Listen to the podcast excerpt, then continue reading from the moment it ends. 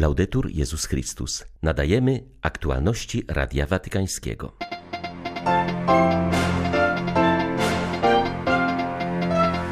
Papież Franciszek wezwał do modlitwy za umęczoną Ukrainę. Polakom podziękował za pamięć o prześladowanych chrześcijanach.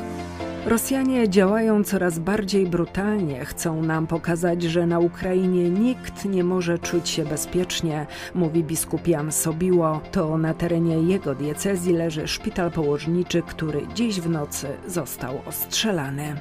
Sytuacja humanitarna w wyzwolonym od Rosjan Chersoniu wciąż jest bardzo trudna. Pomoc niesie m.in. Caritas. 23 listopada wita Państwa Beata Zajączkowska. Zapraszam na serwis informacyjny. Ojciec Święty wezwał do modlitwy o pokój na świecie i o zakończenie wszelkich trwających konfliktów. Szczególnie nawiązał do wojny na Ukrainie i straszliwych cierpień narodu ukraińskiego. Módlmy się o pokój na świecie i o zakończenie wszelkich konfliktów, pamiętając szczególnie o straszliwych cierpieniach umiłowanego i umęczonego narodu ukraińskiego. Myślmy o udręczonej Ukrainie. W najbliższą sobotę przypada rocznica straszliwego ludobójstwa Holodomoru, zagłady ludności w latach 1932-1933 poprzez sztucznie wywołany głód spowodowany przez Stalina. Módlmy się za ofiary tego ludobójstwa i módlmy się za tak wielu Ukraińców, dzieci, kobiety, ludzi starszych, młodzież, którzy dziś cierpią w wyniku męczeństwa agresji. Il martirio della aggressione. Rosyjska agresja na Ukrainę prowadzi do kolejnych tragedii. Ostrzelano m.in. szpital położniczy na Zaporożu, gdzie zginął noworodek. Atakujące wojsko używa również bomb fosforowych przeciw ludności cywilnej ale nawet pośród wojny nasz szlachetny cel budowy lepszej przyszłości pomaga nam przeżyć nasze codzienne biedy, tragedie i trudności, wskazał arcybiskup Światosław Szewczuk. Zwierzchnik ukraińskich grekokatolików kontynuował dziś refleksję na temat opieki nad dziećmi oraz młodzieżą w okolicznościach wojny. Всі турбуються про безпеку дітей. Wszyscy są zaniepokojeni o bezpieczeństwo dzieci. Możliwe, że właśnie bezpieczeństwo dziecka stanowi obecnie podstawową przyczynę emigracji wielu rodziców. Często mówią, nie chcemy opuszczać swojego kraju w biedzie, nie wyobrażamy sobie, jak można żyć na obczyźnie. Ale co stanie się z naszymi dziećmi? Jak uchronić je od kalectwa, ran i śmierci pośród tej wielkiej tragedii, jaką przyniosła wojna na naszą ziemię? Te dzieci, które wraz z rodzicami znalazły się za granicą, również chcą kontynuować naukę online z własną ukraińską klasą. Widzimy też, jak na terenach okupowanych Rosjanie zaczynają prześladować tych rodziców, którzy umożliwiają swoim dzieciom uczenie się online w ukraińskiej szkole. Chcę się zwrócić do dzieci i młodzieży różnych krajów świata, do osób mających możliwość każdego dnia w pokoju iść do szkoły. Pamiętajcie, że dzieci na Ukrainie uczą się pod bombami i rakietami, bez światła i w chłodzie obecnej pory roku. Bądźmy razem solidarni i w taki sposób możemy już dzisiaj tworzyć lepszą przyszłość dla Ukrainy, Europy i świata. Europy i światu. O modlitwę w intencji Ukrainy prosi biskup Zaporoża. Wskazuje, że w ostatnich dniach dochodzi do coraz bardziej brutalnych ataków ze strony Rosjan i zmasowanych ostrzałów. Przeżywamy bardzo trudny czas i bardzo cierpimy, mówi Radiu Watykańskiemu biskup Jan Sobiło. Komentując nocny ostrzał szpitala położniczego w Wilniańsku, w wyniku którego zginął noworodek, wskazuje, że agresor chce zastraszyć Ukraińców. Jest to wielka strata dla rodziców, którzy oczekiwali narodzenia swojego dziecka, a jednocześnie uderzenie w ludność cywilną, która widzi, że już nie ma takiego miejsca, które byłoby w jakikolwiek sposób chronione przed agresją rosyjską. Wilniańsk to jest miasto blisko Zaporoża. Parafianie swojego kościoła przyjeżdżają do Zaporoża i opowiadali, że, że to miasto jest takim buforem ze wschodu. Bardzo cierpimy teraz od tych ostrzałów. Trudny, bardzo trudny czas naznaczony śmiercią żołnierzy i ludności cywilnej, uchodźcami. W dalszym ciągu prowadzimy wielkie modlitewne spotkania, aby jednym głosem prawosławni, protestanci, katolicy obu obrządków wyprosić u Boga pokój, żebyśmy mogli tę zimę jakoś przetrwać. W tym czasie wojny, nienawiści, agresji nasze serca są skierowane do Chrystusa, który pragnie przekazać nam pokój i miłość, bo przezwyciężyć zło, nienawiść, śmierć można tylko miłością i pokojem.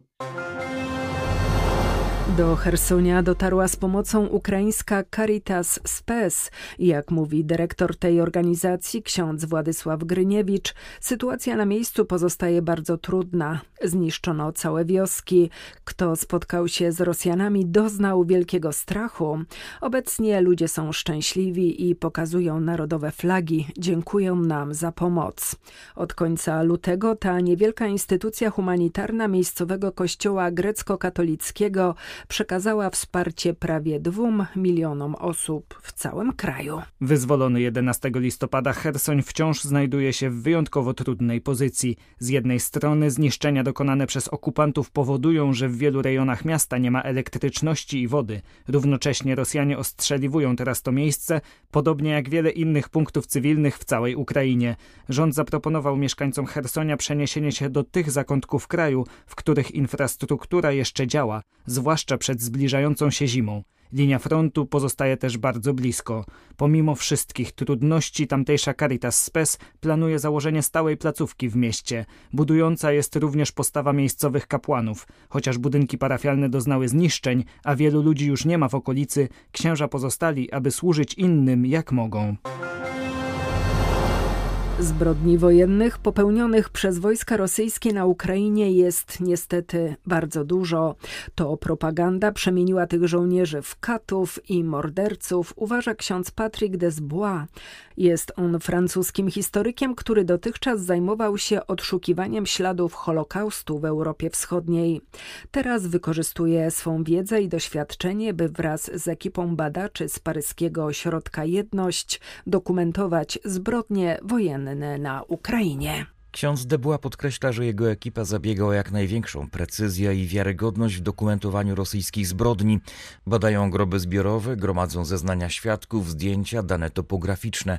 Korzystają też ze źródeł rosyjskich, bo jak zauważa francuski historyk, Putin i Ławrow nie kłamią, gdy informują o atakach, kłamią, gdy jest mowa o ofiarach. Ksiądz Debła precyzuje, że jego instytucja zajmuje się wyłącznie zbrodniami względem ludności cywilnej.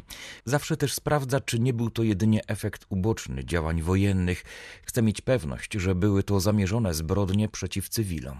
Podkreśla, że dużo jest przypadków tortur. Są nim poddawani Ukraińcy, którzy dostają się do rosyjskiej niewoli bądź zostali deportowani w głąb Rosji. Na torturach Rosjanie zmuszają pojmanych, by przyznali się, że są nazistami. W ten sposób traktują wszystkich Ukraińców, również rosyjskojęzycznych. Dyrektor Instytutu Jachat in Unum przyznaje, że jego ekipa jest zdumiona siłą, z jaką rosyjska propaganda oddziałuje na żołnierzy. Oni rzeczywiście są przekonani, że walczą z nazistami i traktują Ukraińców jako zbiorowych wrogów Rosji. Mają świadomość, że ich przełożeni, nawet jeśli nie nakazują zbrodni, to na nie przyzwalają. Wiedzą, że nigdy nie zostaną za nie ukarani. Podobne mechanizmy funkcjonowały też podczas Holokaustu czy pod panowaniem państwa islamskiego. Papież Franciszek zachęcał dziś do poszukiwania Boga dającego pocieszenie, a nie do sprowadzania go jedynie do podmiotu na nasz użytek i realizującego nasze potrzeby. Ojciec Święty mówił o tym podczas audiencji środowej w kolejnym rozważaniu na temat rozeznawania. Wskazał na znaczenie w tym procesie pocieszenia duchowego, które, jak podkreślił, umacnia wiarę i nadzieję oraz zdolność do czynienia dobra. Czym jest pocieszenie duchowe? Jest to głębokie doświadczenie wewnętrznej radości, które pozwala dostrzec obecność Boga we wszystkich rzeczach. Umacnia wiarę i nadzieję, a także zdolność do czynienia dobra. Osoba, która doświadcza pocieszenia, nie poddaje się w obliczu trudności, ponieważ doświadcza pokoju, który jest silniejszy od próby. Jest więc wielkim darem dla życia duchowego i dla całego życia jako takiego. Pociecha to wewnętrzne poruszenie, które dotyka głębi nas samych. Nie jest efektowna, lecz łagodna, delikatna jak kropla wody, która spływa na gąbkę.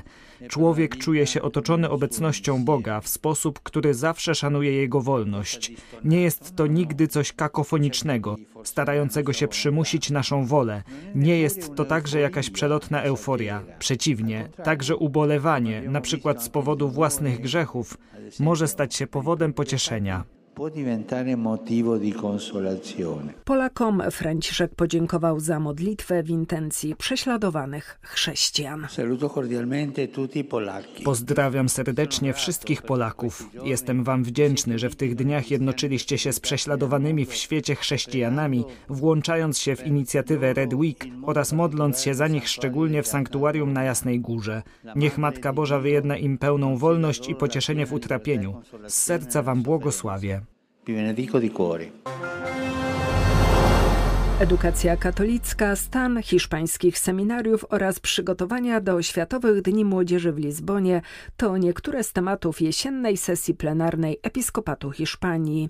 Jej obrady trwają w Madrycie. Jesienną sesję plenarną otworzył przewodniczący konferencji Episkopatu kardynał Juan José Omeya. W swoim wystąpieniu podkreślił, że żyjemy w czasach, które wymagają wielkiego porozumienia i zgody. Wyzwania, jakie stają przed Kościołem i społeczeństwem, to rodziny i towarzyszenie tym, którzy cierpią.